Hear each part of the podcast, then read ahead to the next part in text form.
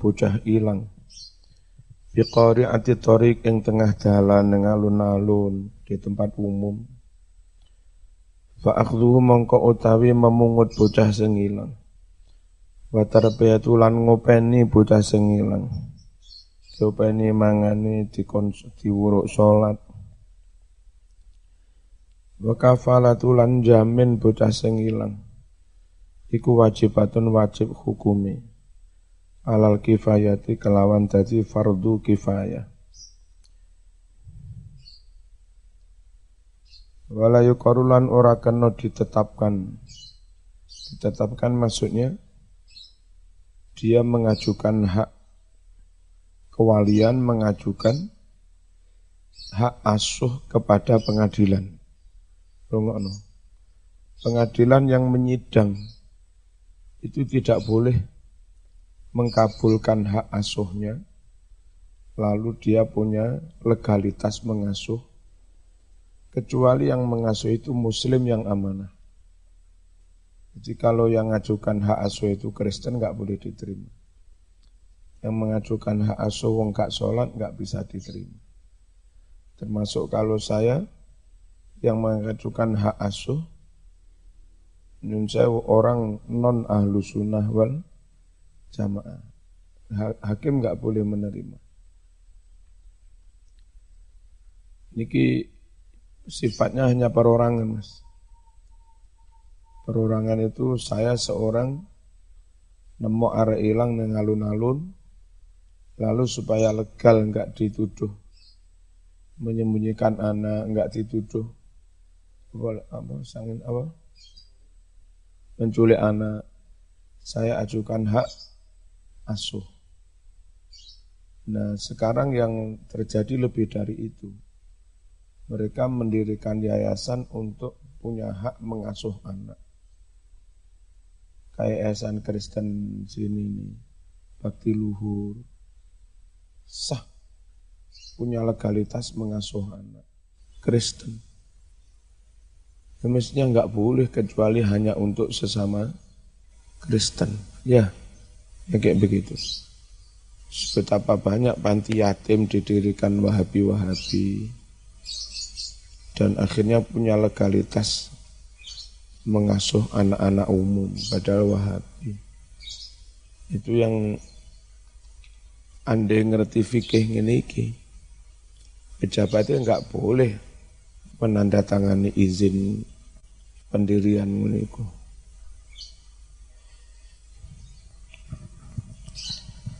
Walil koru tidak boleh ditetapkan secara hukum, tidak boleh diberi legali, legali, legalitas, illa kecuali fiyati amin, di tangan orang yang memang amanah. Fa'in wujida jika didapat ma'ahu bersama anak yang hilang, opo malun bondo, jadi are hilang go bondo, anfako, maka menafkahi alaihi kepada anak yang hilang itu al-hakimu pemerintah minhu dari harta yang dibawa anak itu. Wa ilam yujad jika tidak tidak tidak ada ma'ahu bersama anak yang hilang malun bondo fanafakatu maka pembiayaannya fi baitil mal diambil dari kas negara berarti ditanggung negara. Dan itu ada pasalnya kalau kita eh, orang-orang miskin, anak yatim, anak-anak terlantar ditanggung negara. Ya Pak enggak? Pasal 27 apa 26? Kayak calon camat kudu apal.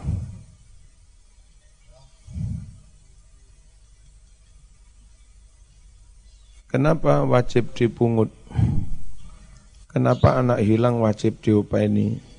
Khiftun dalam rangka menjaga dinafsil muhtaramah menjaga jiwa nyawanya anak itu anil halak dari kematian wa ihya anil nafsi dan wajib dipungut dalam rangka menghidupkan nyawa allati qala Allah yang mana Allah telah berfirman fiha tentang menjaga kehidupan nyawa Baman ahyaha faka'annama ahyan nasa jami'ah.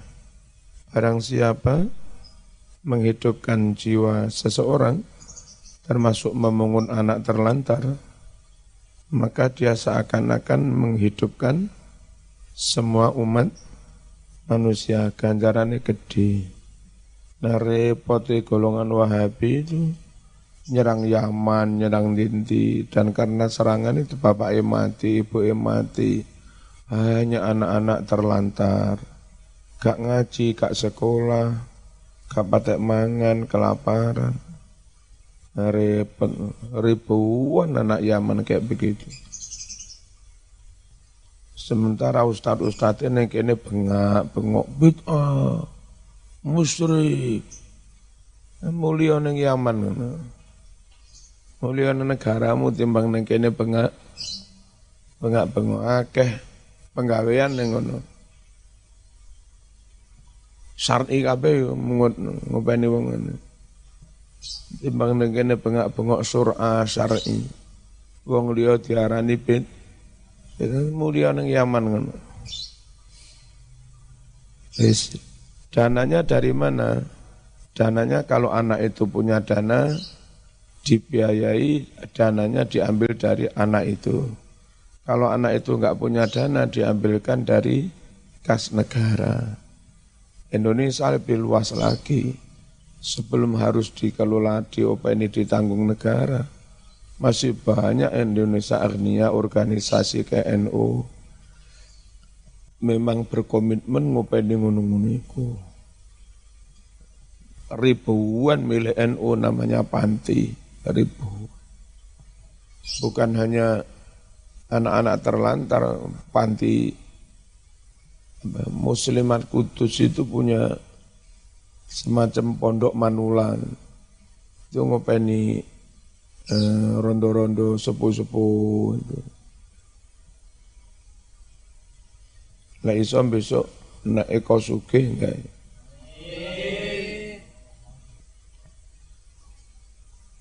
nggak pesantren sepuh Pasulukan di eh, dijaga kesehatannya setidak-tidaknya ditambahi gizinya biar sehat ono olahraga ono menu kesehatan ya, mereka butuh itu terus kalau mereka nggak punya keluarga eh, naluri orang itu suka ngemong bocah cilik-cilik.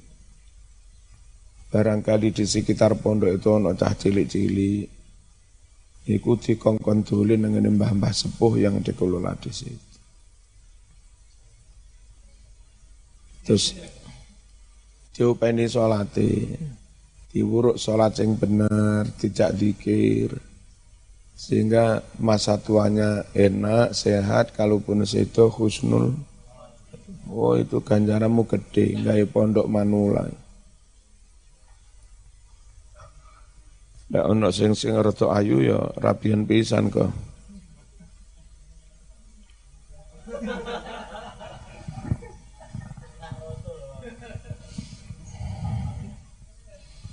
Li anna Umar krono satuhnya Umar radhiyallahu anhu.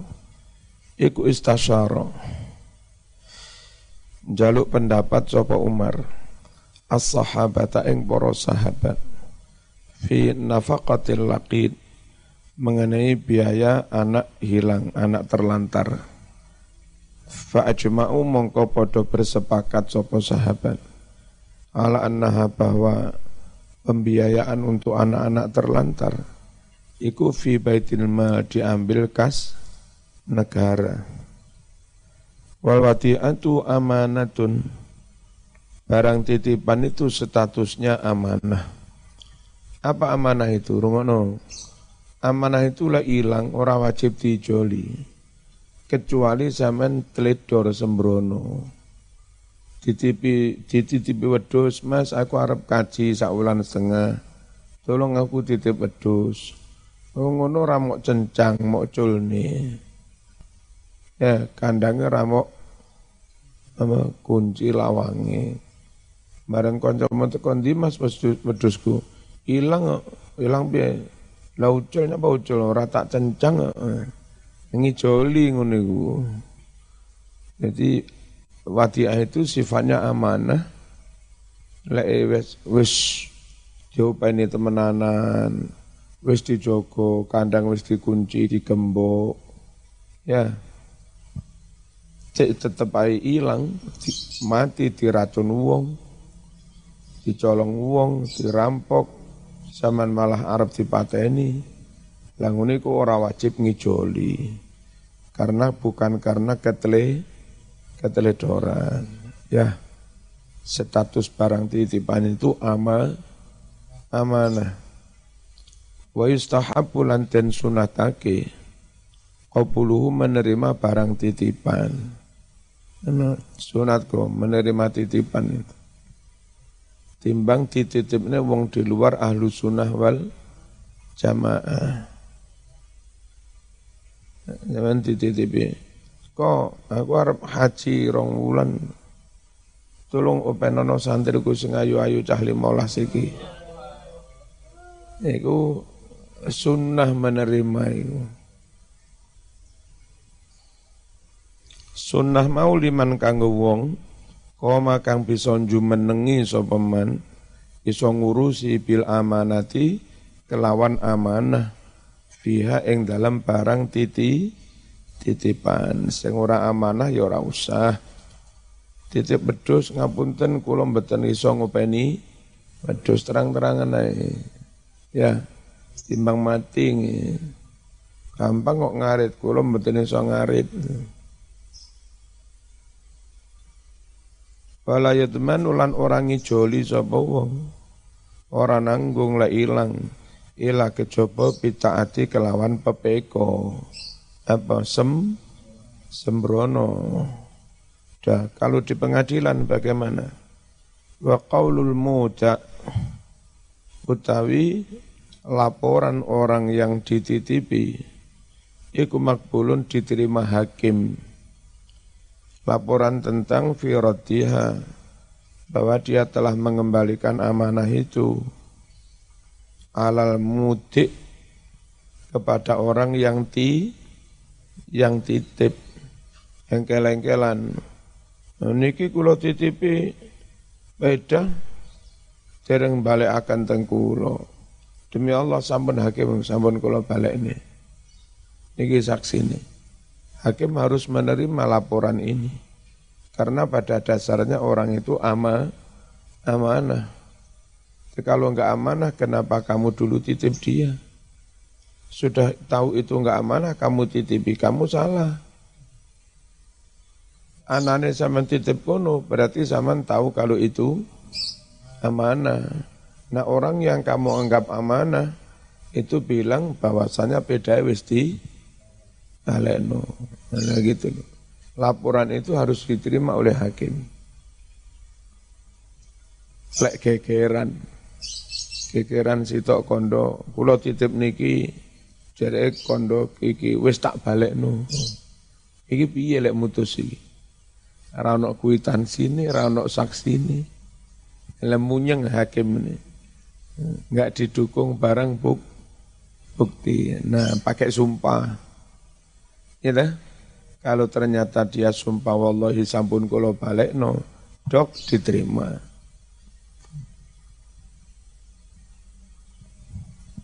Walai dan wajib atas muda orang yang dititipi.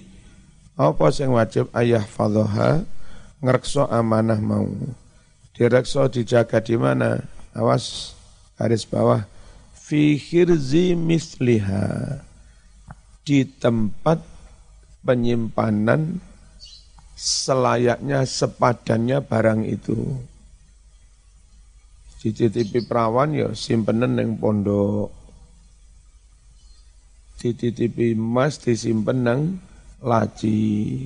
Dikun dikunci. Titipi sepeda lebokne oma, ya kan? Pokoknya sepantasnya orang menyimpan. Lebone omah kunci syukur kunci setan. Wis kaya ngono sik dirampok wong ya sampean gak ngijoli. Wajib dia menjaga amanah di tempat penyimpanan layaknya barang itu.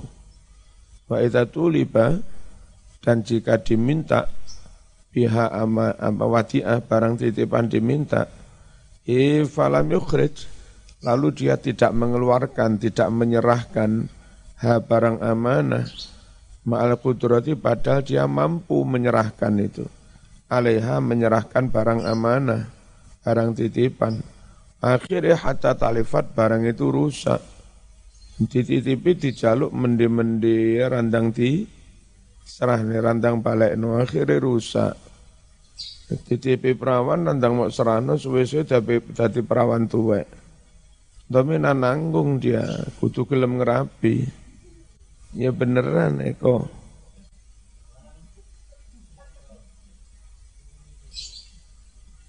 Wal aslu utawi dasar fi masru'iyatiha mengenai disyariatkannya. Menerima wadiah adalah ayatun ayat-ayat. Minha di antara ayat-ayat itu qauluhu ta'ala firman Allah ta'ala fa in amina ba'dukum ba'dan falyu'addil ladzi tumina amanatahu wal yattaqillaha rabbah wa la taktumus syahadah wa may yaktumha fa innahu asimun qalbuh Men, ora apa itu ayat-ayat ini? Fa'in amina jika mengamanatkan ba'dum ba'dukum sebagian dari kamu mengamanati ba'dun kepada sebagian yang lain faliu'ati maka hendaklah menunaikan alladhi orang u'tumina yang diamanati amanatahu menunaikan amanatnya. Diupeni dijogo. Wayah baliknya yodi baliknya itu namanya yu'attil ladzi tumina ama natahu wa ahadithu dan hadis-hadis dasarnya wadi'ah. Min hadi antara hadis-hadis itu ma hadis. Rawahu Abu Dawud wa Turmudi an Abi Hurairah radhiyallahu anhu qala qala Rasulullah sallallahu alaihi wasallam atil amanata sampaikan amanah. Balik no barang titipan itu mas. Kepada siapa? Ilaman iktamanaka kepada orang yang mengamanati kamu. Nitip neba barang. Balik no jangan kamu mengkhianati man orang khonaka yang pernah mengkhianati kamu Iku jeneng padha gendengnya apa khianat dan kapo aku mbiyen ya tau dikhianati ya. Ya malah gak waras kabeh. Mbok yo sing waras ngalah. Kitabul Faraid kitab tentang faraid. Faraid itu jamak dari faridoh. Faridotun faridotani faraid. Apa faridoh itu? Faridoh itu bagian warisan yang sudah ditentukan Quran. Ya, apa uh, walakum nisfu ma taraka azwajukum illam yakul lahunna walad kamu hai para suami dapat bagian sepa separuh jika istrimu mati separuh dari harta tinggalannya is istri orang itu kalau mati kalau di Indonesia suami istri cara bagi warisnya begini eh, ditelusuri asal usul harta. Ini tuh di ini dulu dibawa dari asli bondonya dia dari Lamongan. Berarti itu uh, miliknya Umi. Terus ini asli dari Blitar. Berarti milik saya. Bawa warisan dari Blitar gitu. Terus sekian aset yang enggak ada sejarah dari mana? Warisan dari Lamongan kah, warisan dari Blitar kah, nggak bisa. Berarti itu pembelian bersama selama orang itu berkelu berkeluarga. Lah itu diparuh. Namanya gono gono gini. Kalau istri mati, harta warisannya itu mana? Yang asli bawaan dari warisan Lamongan plus paruan dari gono ini. Itu yang harta waris. Kalau misalnya itu nilainya satu miliar, ya, harta waris istri itu satu miliar itu yang dibagi. Dapat berapa? Suami dapat separuhnya. Kalau mayit itu enggak punya anak walakum nisfuma taroka azwajukum illam yakul lahunna walad.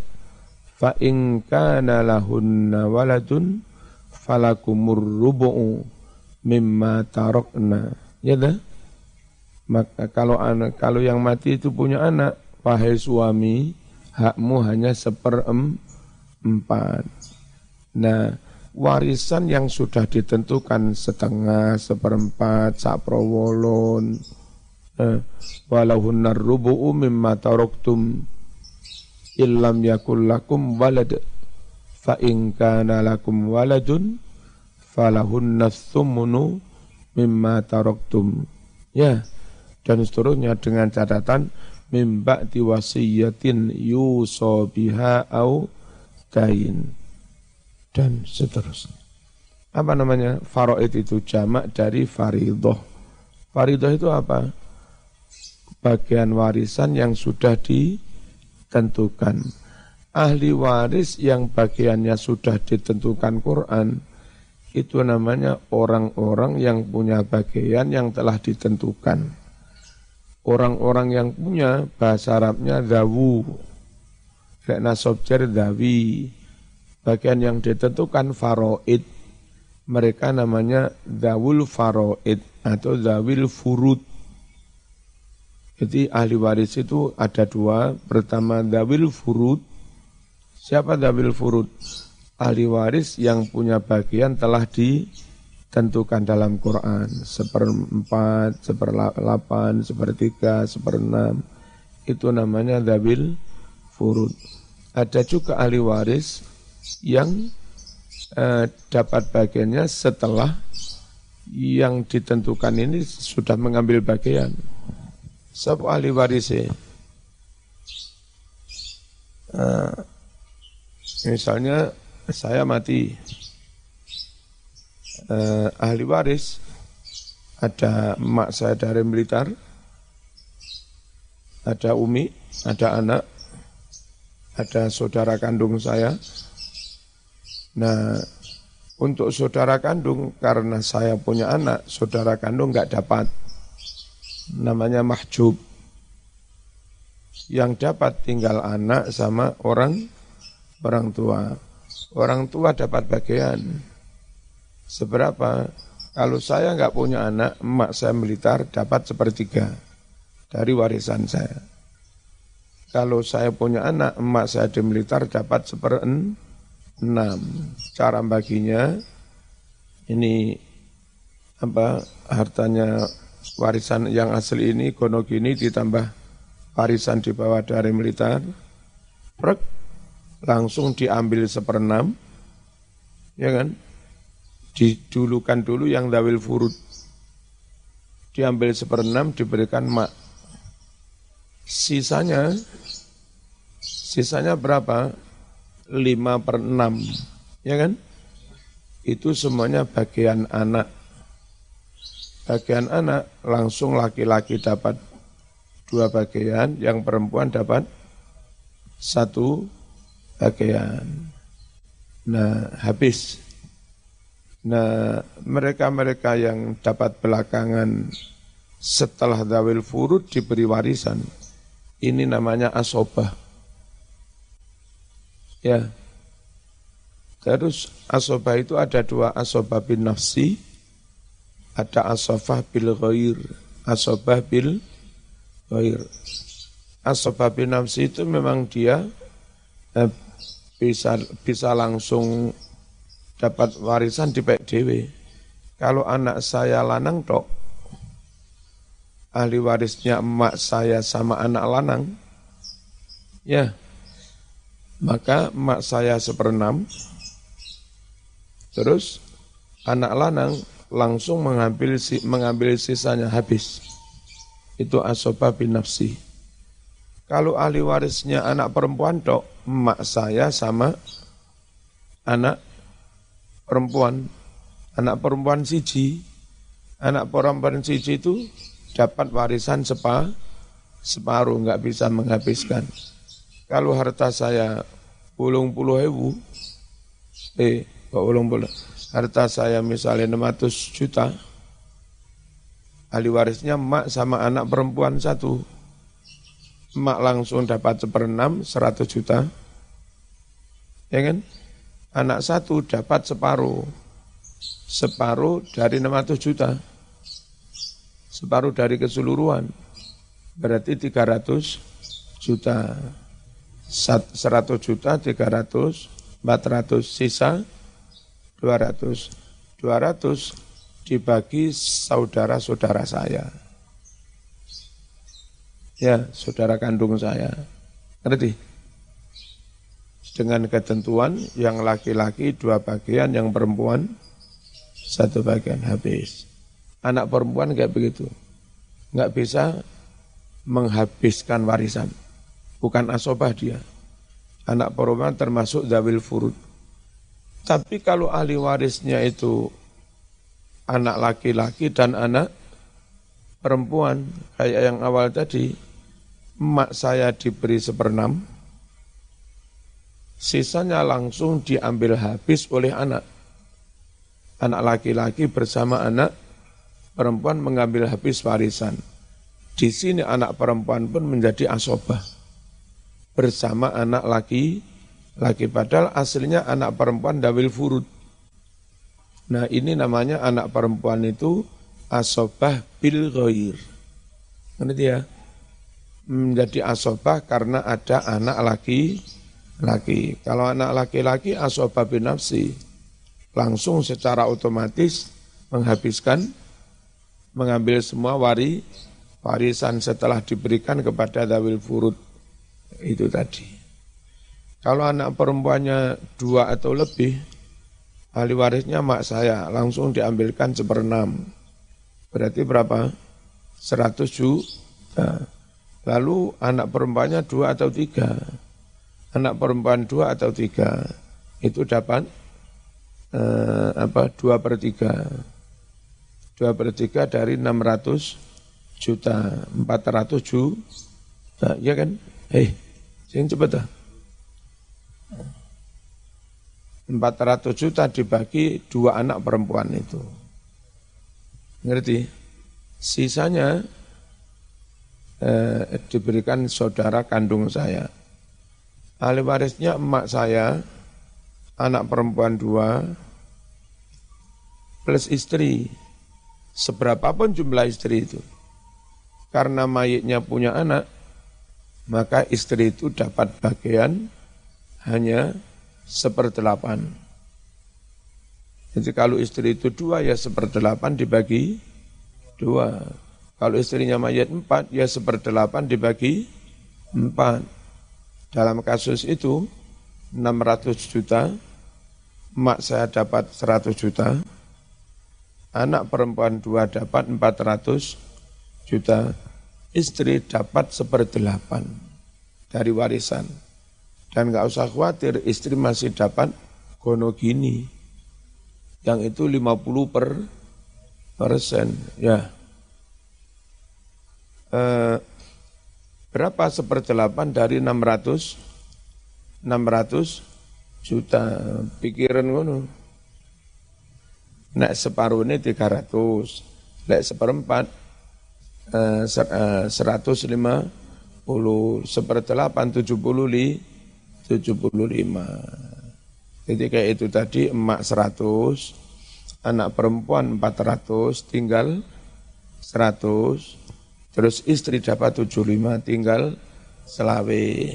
Selawe dibagi saudara kandung saya. Habis. Saudara kandung ada yang laki-laki, mereka lah asobah. Um, nah, di setiap desa atau wilayah tertentu lah, itu kudu ono kiai sing ngalim faraid ini. Kalau enggak kacau mas ini menyangkut halal haram ya. Kalau dibagi ngawur enggak manut syarat. Zaman ambil bagian bisa jadi itu haknya famili yang lain. Lalu itu dolim. Wala takulu ambalakum bainakum bil batil. Enggak boleh kamu makan harta dengan cara batil enggak syar'i. Jadi harus sesuai dengan warisan ini kudu ana sing paham carane bagi waris. Nah, setelah dibagi pun kena nggih niki bagiamu samenten, bagiamu samenten pun clear-clear tanda tangan permatarai. Wis. Saiki musyawarah maneh rembuk. Iki wong wedok iku ya dulurmu. Anak kandungnya bapak ibumu mereka oleh sakmene. Kayak wonge melarat sama oleh sakmona kayak dulur lanang. Adek wesu suge. Ya apa kalau bagiamu dilongi didik, bahno adikmu wedok ilo. Yang sekiranya malih podo. Iya, pun. Nah, monggo dipitung mana? Setelah warisan dibagi dan ini jelas wong dulur lanang sodakoh yang dulur Betok sakmene juta. Tapi jelas. Ojo langsung dibagi podo enggak syar'i. Nah sampean dosa kiai kuwi. Enggak bagi menurut syarat itu apa? Bagi tidak menurut sa syarat dosa. Ya. Terus lah anak dulur kak, aku enggak tak pek dhewe iki. Dulur lanang oleh bagian loro. Mbok yo sedekah dulur berita ora tak pek dhewe aku butuh dana arep rabine. Eh. Tapi mana wong dikandani ra kena ya wis salaman. Resikone biasa disatru dulur karo sing liya. Solusi penyelesaian harta tinggalan itu kalau eh, apa ini model ini warisan. Model kedua hibah eh, hibah sebelum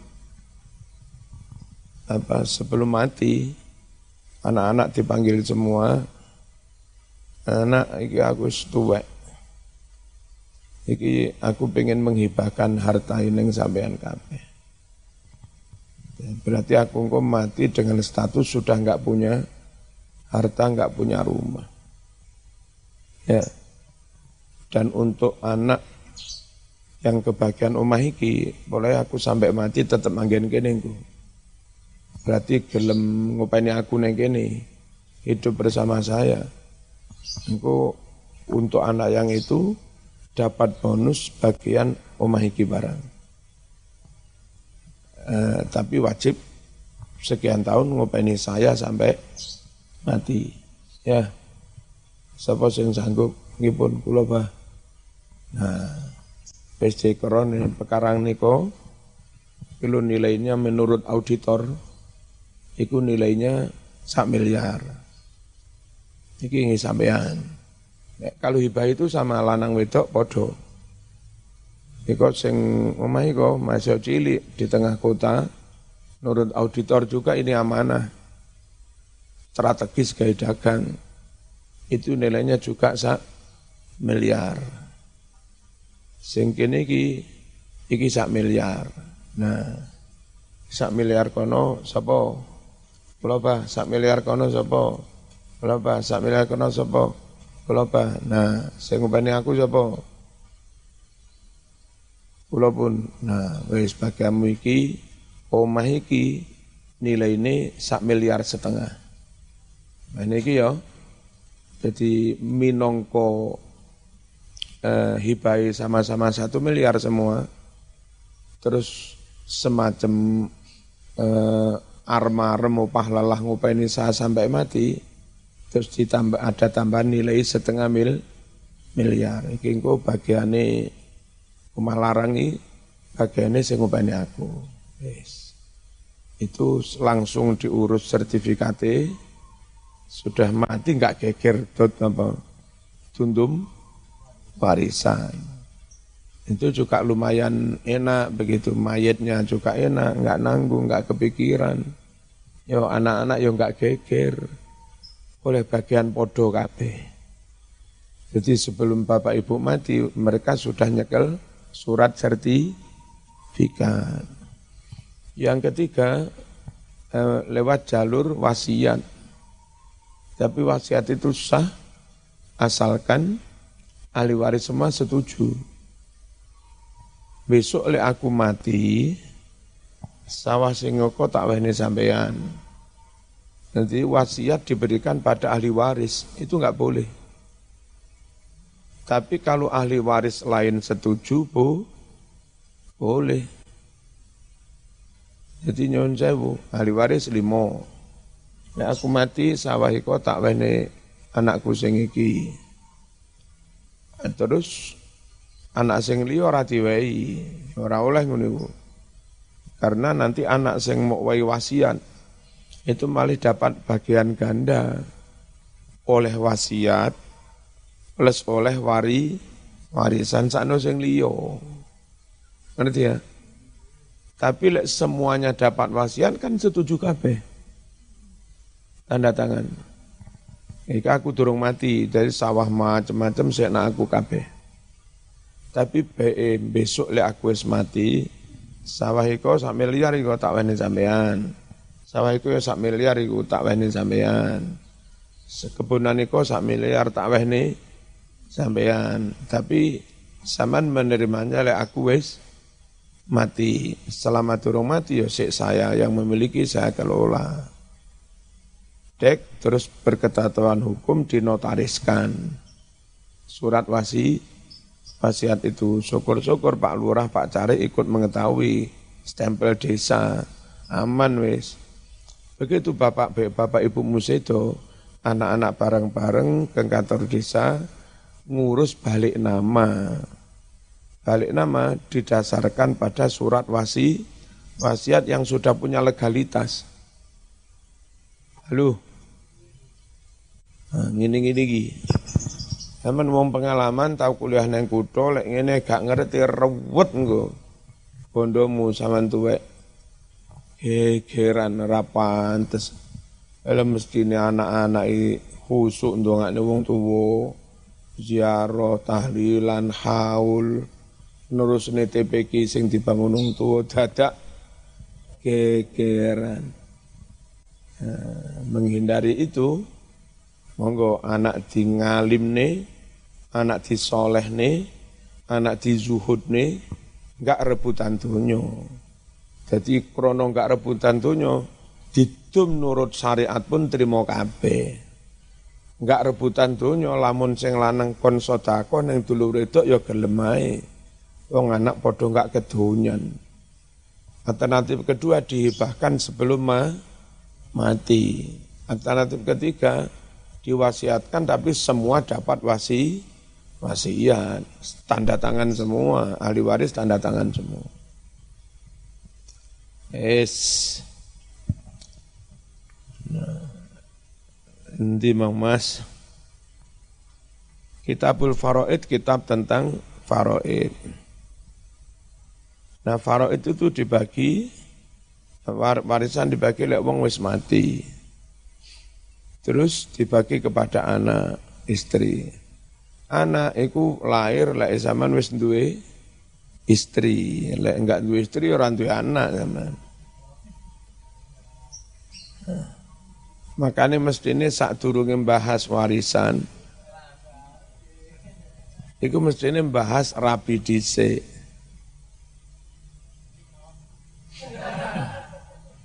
Lah ikut turu ya rasa. Wal warisun wal wasaya utawi wong-wong kang dadi ahli waris minar dari golongan laki-laki asyaratun ada sepuluh.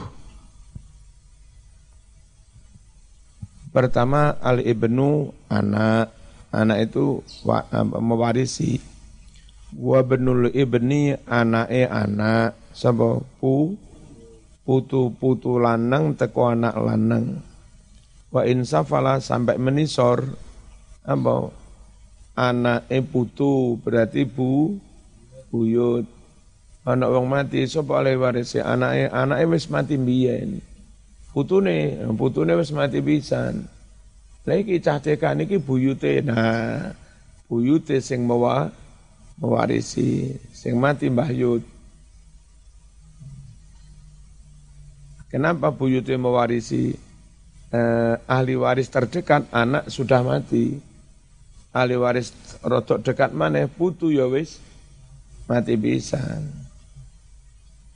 Wal abu bapak bapak ahli waris wal jatuh mbah kakung wa in ala sak menduwur wal akhu dulur lanang wa benul akhi anake dulur lanang dalam hal ini kalau yang mati saya Pak Mat, Pak Puhati, anak itu dulur lanang, tewel kok tewel wiridan, ngawur itu.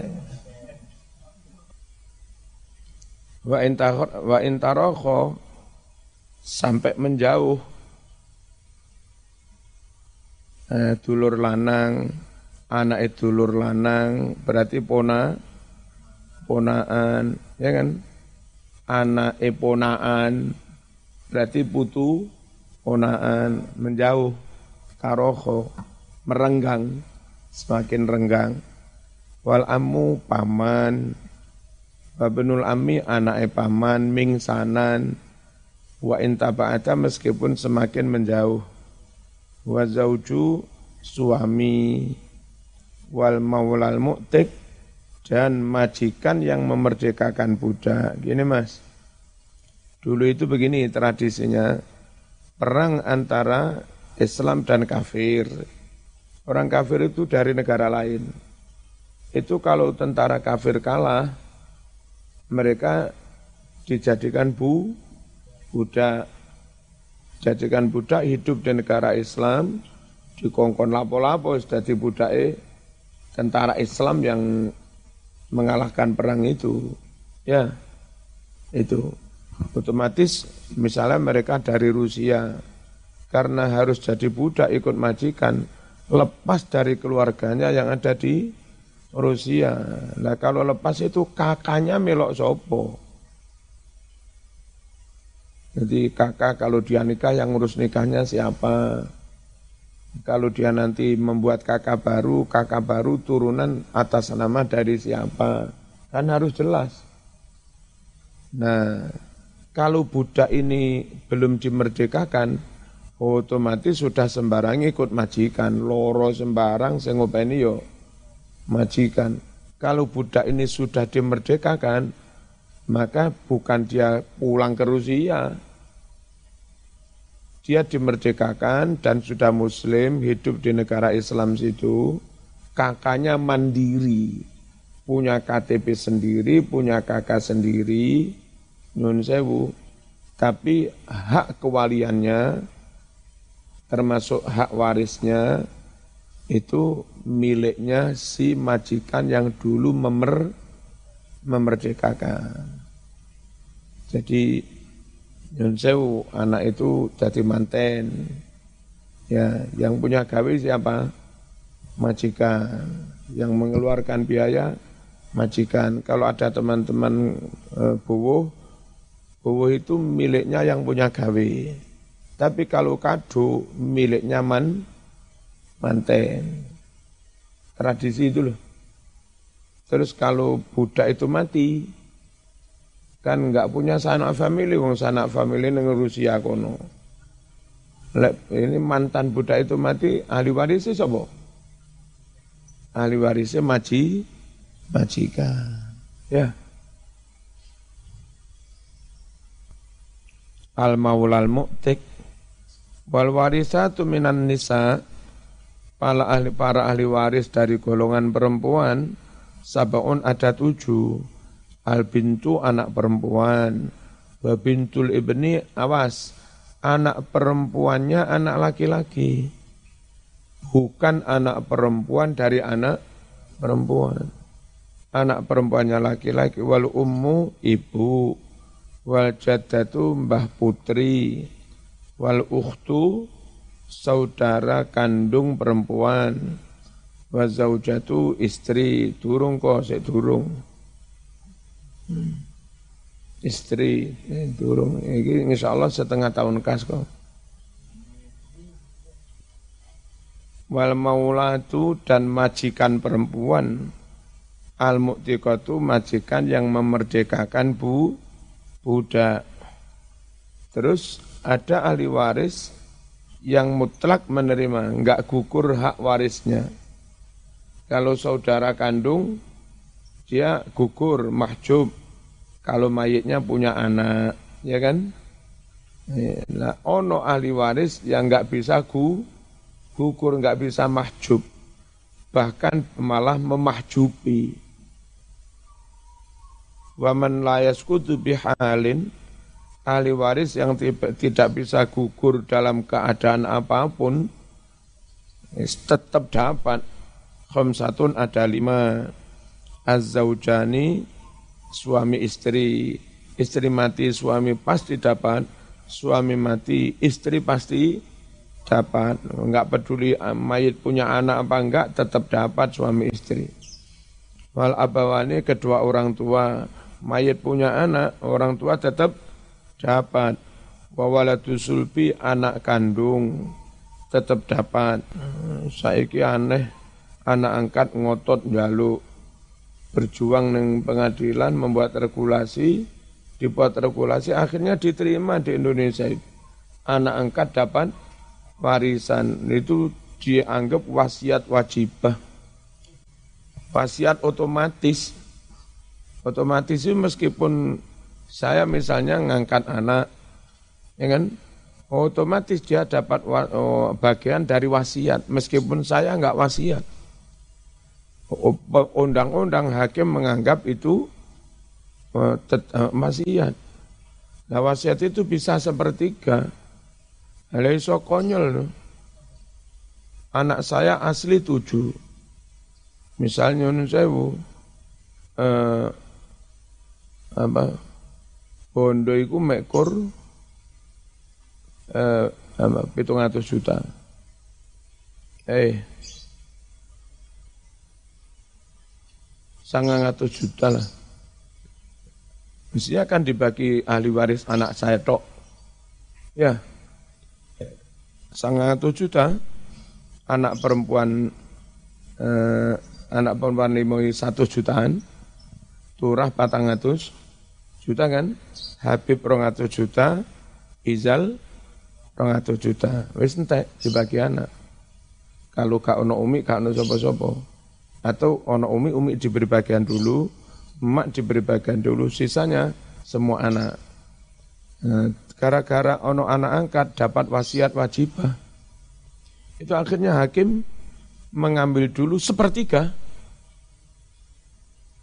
Ono angkat anak angkat kawonyol sepertiga dari 900 ya. Jadi wasiat harus didahulukan, baru dibagi waris. Itu ketentuan Qur'annya. Mimba wasiyatin yuso biha au tain. Setelah memberi hak, hak wasiat atau menyaur utang, baru warisan dibagi. Wow, jadi anak angkat kentul-kentul dari 900 bawa pulang 300 oh enak. Ka anak ka opo berdasar undang-undang moro-moro nyekel telung atus. Apa enggak hukum kocluk ngalah nih ahli waris asli ditetapkan oleh Qur Quran. Sementara Gari 600 dah. Ya. Gari 600 untuk emak saya seper seperenam biro 100 gari 500 500 dibagi anakku itu mana enggak konyol lagi lah mas tolong baik sama jadi hakim Gak usah nggak iku.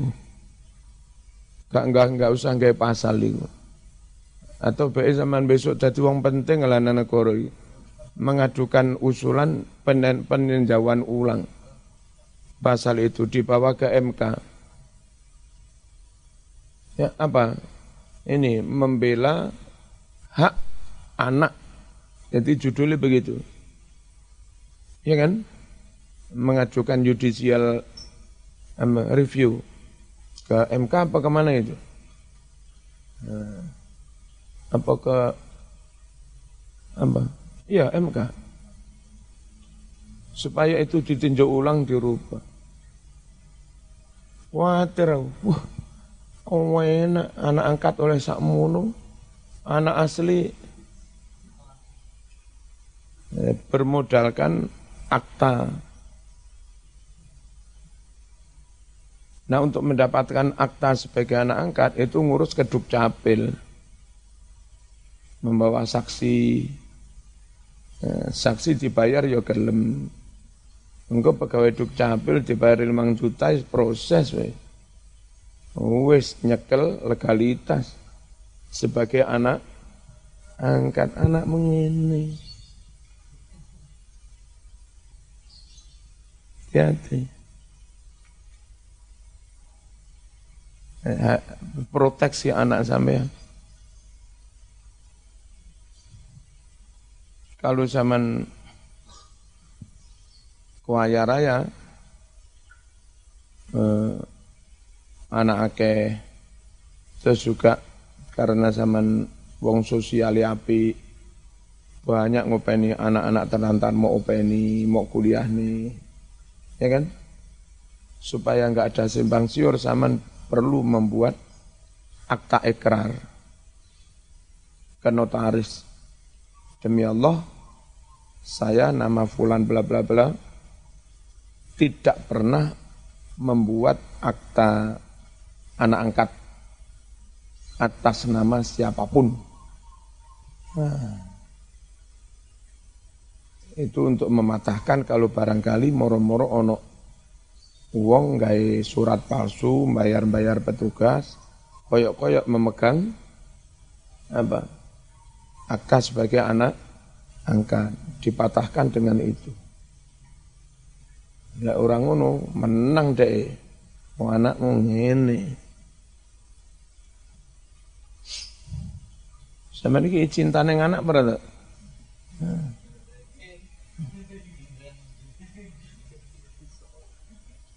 Eko rencanane cinta neng anak ora Lek cinta ya dijogo hak-haknya, diberi proteksi, termasuk proteksi dari sisi hu, hukum. Sadar hukum itu gitu mas. Ciri masyarakat berperadaban modern itu sadar hukum hak dan kewajiban.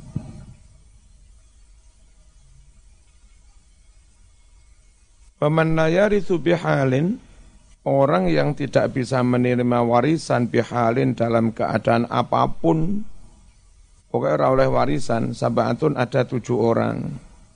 Al-abdu, budak, budak murni, gak dapat warisan. Wal mudabbaru, budak mudabbar.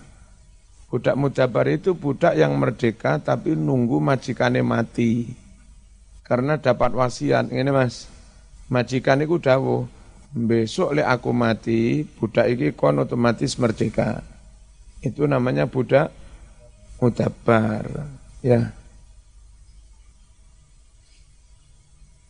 Wa ummul walad. Ibunya anak-anak. Ngawur ibunya anak enak sapa? Budak perempuan dikumpuli majikan lalu punya anak. Itu namanya umul walad. Bagaimana kalau majikan mati, otomatis ibu ini merdeka. Itu loh. Kalau majikan seurip, ibu ini tetap budaknya maji, majikan. Kenapa harus merdeka? Sebab anaknya dari ibu ini kan anaknya majikan. anaknya majikan statusnya merdeka. Dan nanti kalau bapaknya mati, ibunya tetap jadi budak. Apa masuk akal anaknya merdeka, ibunya budak lalu anaknya anaknya memperbudak ibunya ngongkon ibu esa enak dhewe. Bu kan nandang ora-ora kan. Kayak padahal ibu dhewe. Nah supaya itu enggak terjadi diantisipasi, ada antisipasi. Itu Islami sadar hukum benar supaya nggak ada begitu-begitu antisipasi oleh regulasi kayak begini. Regulasi langit ini. Apa? Kalau majikan mati, otomatis umul walad ini mer merdeka. Nah, deal. Yeah. Wal mukatabu budak mukatab. Budak mukatab itu budak yang sedang mencicil proses menuju merdeka. Budak kok eh, pinter kerja, pinter golek duit, pinter dagang, diceluk karo majikane. Lele lele. Aku nyawang sampean kaya bakat dagang nggih. Lek sampean tak merdeka nono gelem ora? Lek merdeka otomatis lepas, enggak diupani majikan sudah. Kadang budak-budak tertentu mboten kula pilih dadi budak mawon ora iso kerja. Mending melok majikan mangan sembarang melok majikan. Tapi ada juga yang memang karakternya mandiri. Nggih pun kula siap. Nah, nek siap nggih merdekane sampean niku biaya ini 5 juta. Karena nanti ngurus macam-macam, ngurus surat dan sebagainya. Terus pun di yo nyicilo. Saman dagango saulan kuat nyicil biro, kurang nyicil 500. Berarti merdeka selama apa 10 bu, bulan. Nah, dalam proses merdeka nyicil 500 500 itu dia menjadi budak muka muka tap genep langsung merdeka. Terus eh, Quran mensunahkan supaya dari cicilan 10 kali cicilan 500 sampai 5 juta itu itu ada satu dibebaskan. Wes yang bulan pertama rasa mau aku, nyambut gawe seolah-olah oleh piro 500 ojo nggih cicilan. PN wis nambah modalmu. Jadi nyicilnya hanya 9 kali. Sunah begitu. Nah, itu budak mukatab apa belum merdeka sebelum cicilannya lu lunas. Sekarang sudah enggak ada budak mukatab, yang ada sepeda mukatab, kendaraan mukatab.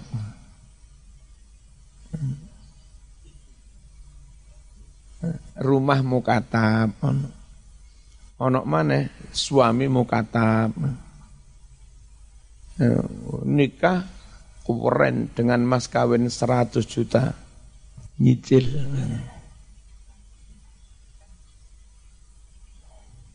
Ini jenenge suami mukatab Bismillahirrahmanirrahim wal mukatab ya. Budak murni namanya abdun, enggak dapat warisan. Budak yang akan budak diwasiatkan le aku mati kon merdeka itu mudabar juga enggak dapat warisan. Budak yang punya anak dari majikan umul walad itu juga enggak dapat warisan kalau majikannya mati. Wal mukata budak mukata. Wal qatil si pembunuh itu enggak dapat warisan anak itu mikir aneh-aneh. Wah, lek wong tua mati kan oleh warisan. Bendang oleh warisan, bapak itu pateni. Ya malah gak oleh warisan. Iku jenenge gigi mongso. Turung waya oleh warisan, selak ke susu pengen dang oleh warisan bapakmu dipateni, mau pateni, malah oleh popo. Mestinya sabaro sampai bapak mati lagi oleh warisan. Manis tak jala syai'an qabla awani uqiba bihirmani. Sapa wong nggih mongso kesusu durung wayahe malah ra oleh bagian. Mana Mas? Eh kole arek iku SMA enggak se. Ayo ojo kesusu mau putik. Buah belum tua, belum buah belum mateng ke susu dipet bedek ngamuk no sing duwe. Nah oleh wis buyar buyar buyar. Lek carane ngene. Enteno nututno terus pundi? Anu kula sanggup tapi ngerantos tamat S1 ya wis telaten. Bareng wis arep ujian, arep wisuda, anu mesti tak ralat apa? Aku turun siap ya nah iki ono kesempatan eh, apa, apa PDP apa apa? LPDP lumayan mas. Aku terima Australia. Yang gue rapi tapi marine S2 ya Australia ya wis. Tutnya sabar. Cetak oleh LPDP mana? S3 Iki piye Mas iki Ya kelepek-kelepek ya. Aku siap tapi sak ini S3 ya tutnya sabar. Tamat S3 eh siap kurang titik Mas. Iku ono program postgraduate neng Amerika ya. Penting ini untuk pemantapan mengasah maneh tentang keterampilan penelitian. Ya apa? Ya wis. Wes siap, iki anu aku sik proses CPNS iki. Mari ngono terus LPG prajabatan.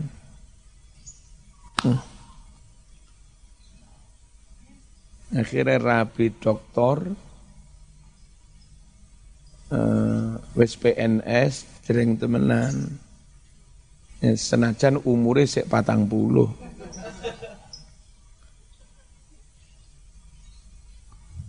Si pembunuh nggak dapat warisan. Wal murtadu orang murtad pendidikan agama jak tasawuf dipahamkan orientasi akhirat itu penting banget. Zaman salah didik, salah asuh dengan anak. Mau urui kedonyan, anakmu kedonyan kabeh, mata duitan. Iku dongane ora kok muga-muga bapak sehat, Pak, muga-muga panjang umur.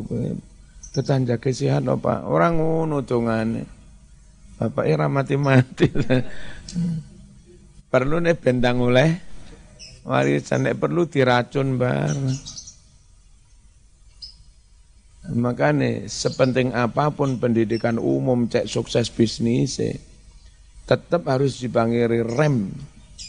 Cak ziarah kubur, cak tawasulan yang di cak wiritan, ngono-ngono kuwi ben anak iku ora nemen-nemen kedu kedunya. Sik tetap lebih ke nilai ketuhanan terus nilai kemanusiaan termasuk Joko Wong Tuwo barulah sebagai upahnya dapat mate materi nggak masalah. Wal murtad tu orang murtad orang oleh warisan. Iki Indonesia dorongan undang-undangi. Kadang anak wis melebu Kristen barang tetap oleh warisan kacau. Kalau nggak salah dulu di Mulyo dikabulkan itu. Ini baiki wakaf masjid. Wakaf dibangun masjid karo panitia karo masyarakat. Lo takmiriku gak ndang-ndang sikap ngurus apa sertifikat wakofe. Di antara cucu yang wakaf ono sing masuk Kristen apa-apa gitu. Ngerti dialek masjid itu durung durung bersertifikat wakaf. Digugat sebagai ahli waris kami gugat. Itu hakim itu memenangkan. Padahal wis pindah agama. Nah, menurut Islam ya oleh warisan dengan tapi di Indonesia durung ono pasale sebagai anak cucu ahli waris tetap dapat. Dok, bagian yang dikukat masjid itu e, beralih menjadi haknya fulan itu non muslim. Meh dirubah fungsi dari gereja. E, seingat saya terus jadi ini masyarakat aurunan nuku masjid man dituku. Enggak situ tadi gereja Cuma laworo mas dengati. Masjid kerja bakti dibangun masyarakat, urunan masyarakat. Mari ngono barang kena kasus karo masyarakat dituku. Jadi masyarakat ini nuku masjid yang dulu mereka biayai sendiri. Apa nih nggak kemeng? Foto karo sama duwe sepeda nyicil, ya kan? Terus colong wong.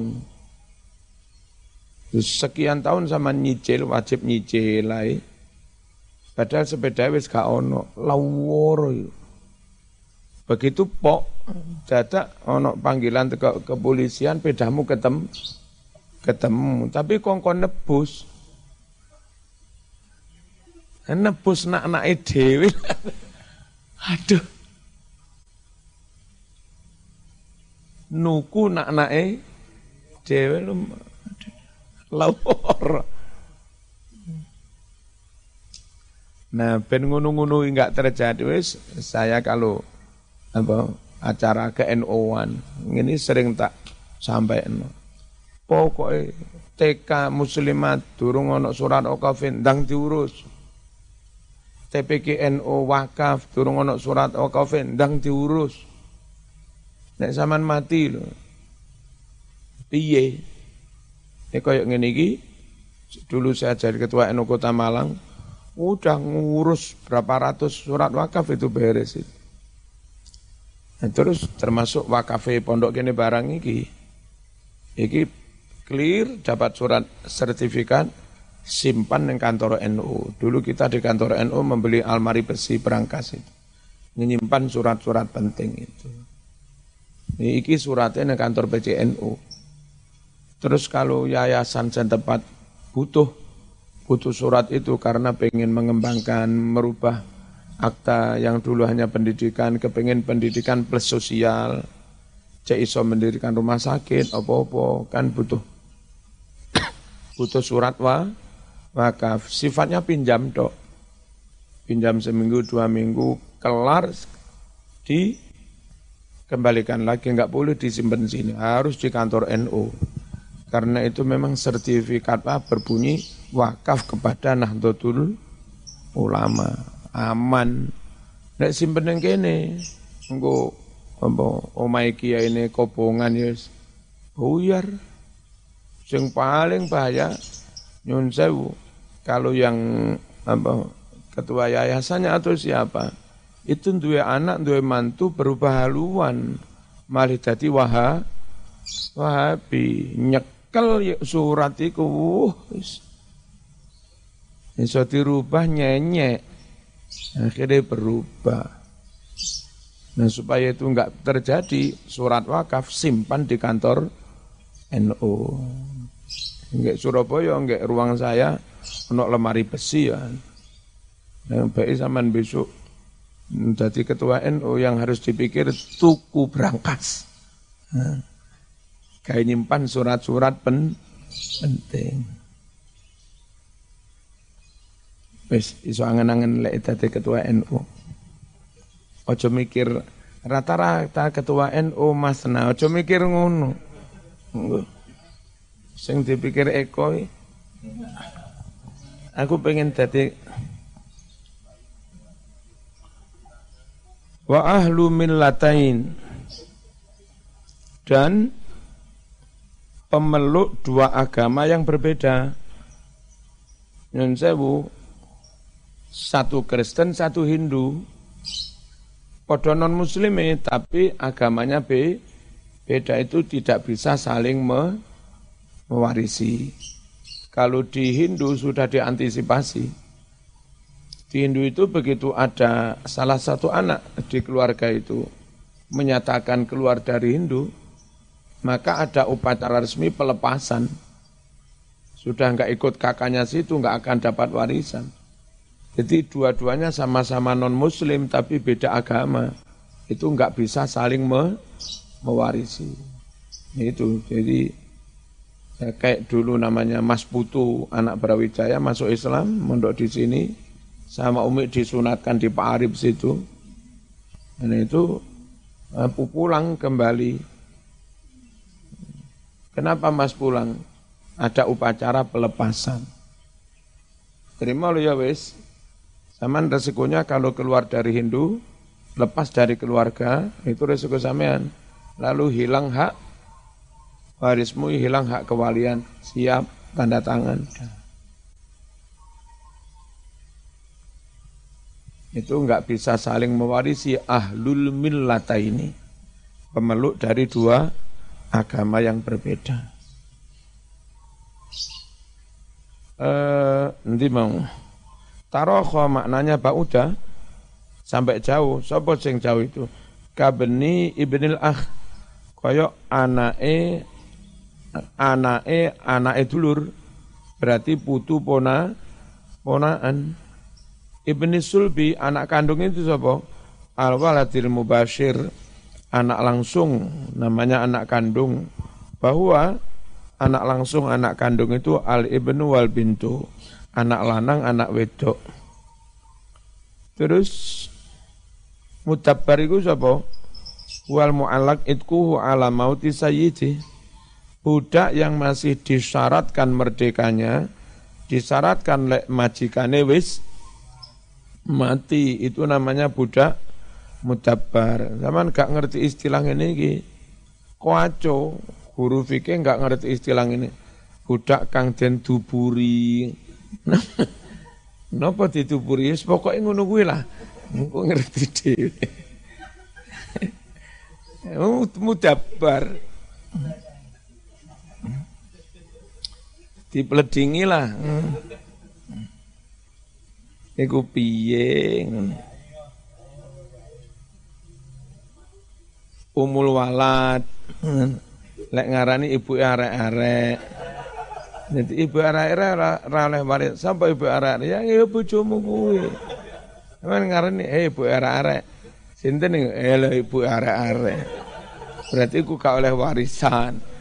Wah wah wah wah Makanya jangan sekali-kali ngarani ibu e arek-arek. Ya. Takoni wong ning dalan. Lho sinten niku ayu?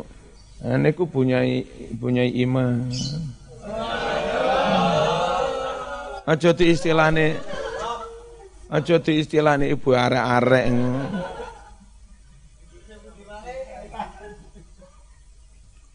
Iya utawi istilah umul walad. Sapa umul walad? Iku al amatu budak wadon alati rupane budak wadon wati ayang menjima ha budak wadon sapa sing menjima sayyiduha majikannya. Wa hamalat dan budak wadon iku hamil minhu dari bibitnya majikan. Biwalatin hamil anak. Besok oleh anak lahir iku berstatus merdeka. Sangat enggak elok anak merdeka ibu e budak lalu anak memperbudak ibu nyenyek terus mukatab. Mukatab ya bang ya cicilan. Huwaladzi ta'aqata ma'a sayyidi. Budak mukatab adalah budak yang bertransaksi bersama majikannya. Ala an yu'tiyahu untuk memberikan kepada majikan mikdaron sejumlah harta minan mali harta sakmene Fa'idha ad-daw jika si budak telah membayar hu sejumlah harta asbaha huran maka dia menjadi merdeka. Wala yarithu hadza wa man qablahu. Budak mukatab dan budak-budak mudabar umul walad enggak bisa mewarisi di annahum la yamlikuna aslan. Karena mereka enggak punya induk. Enggak punya induk nasab loh mereka orang kafir dari negara lain masuk nyerang negara Islam sekarang ikut majikan. Nah, kakakmu nginduk ning sopo. Ya kan? Oleh warisan teko sopo semen. Neng kene wis randuwe sanak kadang. Randuwe keluarga, randuwe du dulur. Nah gitu. Enggak punya aslan. Bismillahirrahmanirrahim. Si pembunuh itu enggak dapat warisan di kauli karena sabda Nabi sallallahu alaihi wasallam al qatil la yaris si pembunuh itu tidak bisa mewarisi, enggak enggak bisa menerima warisan. Ay muslim wa kafir, dua pemeluk agama, satu muslim, satu kafir, lima karena hadis, rawal Bukhari wa Muslim an Usamah bin Zaid, radhiyallahu anhu anna Nabi sallallahu alaihi wasallam qala la yarithul muslimul kafira walal kafirul muslima Muslim tidak bisa mewarisi orang kafir, orang kafir pun pula tidak bisa mewarisi orang muslim. Wal murtadu kafir, lah orang murtad itu wis dadi kafir. Al-Fatihah.